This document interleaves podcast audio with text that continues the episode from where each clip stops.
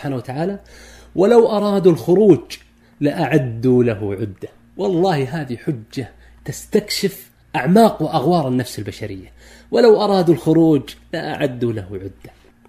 لكنهم ما أعدوا العدة. دل على ماذا؟ دل على أن القلوب لم يكن فيها عزيمة أصلا على الجهاد ولم يكن فيها قصد للجهاد.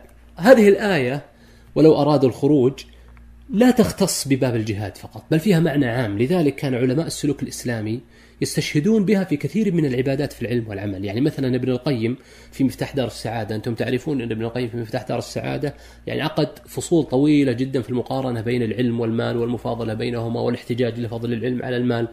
ومن ضمن ما قرره في تلك يعني الفصول الطويلة قال أن العلم هو عدة السفر إلى الله ثم استشهد بقول الله سبحانه وتعالى ولو أرادوا الخروج لأعدوا له عدة. أن العلم هو عدة السفر إلى الله. ثم قال ومن أراد شيئا هيأ له عدته. ومن أراد شيئا هيأ له عدته. هذا هو المعنى العام المستنبط من هذه الآية. ولو أرادوا الخروج لأعدوا له عدة ولذلك الآن الإنسان المقبل على رمضان يبحث ما في نفسه.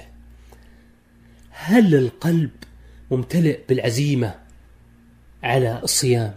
هل القلب ممتلئ بالعزيمة على تقوى الله في الصيام؟ هل القلب ممتلئ بالعزيمة والنية والجدية في قيام الليل واستثمار ساعات رمضان في القرآن؟ ولو أرادوا الخروج لأعدوا له عدة. لابد أن تظهر آثار على النفس البشرية. يعني مثلا من آثارها أن الإنسان الصادق في استثمار ساعات رمضان تجده مهموم قبل رمضان يريد أن يقلل الصوارف قدر الإمكان ويخلص منها وينهيها قبل رمضان. لما؟ يريد أن يتفرغ للعبادة في رمضان.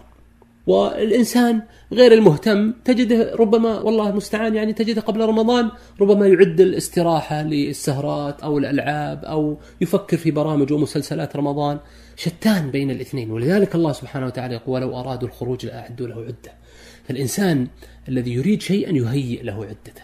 ولا يليق أن يقبل علينا هذا الشهر الكريم والقلوب غافلة لاهية غير مكترثة غير عابئة. لابد الآن القلوب يتحرك فيها الشوق إلى شهر رمضان فهذا دليل على الصدق في إرادة عبادة الله سبحانه وتعالى في هذا الشهر الكريم.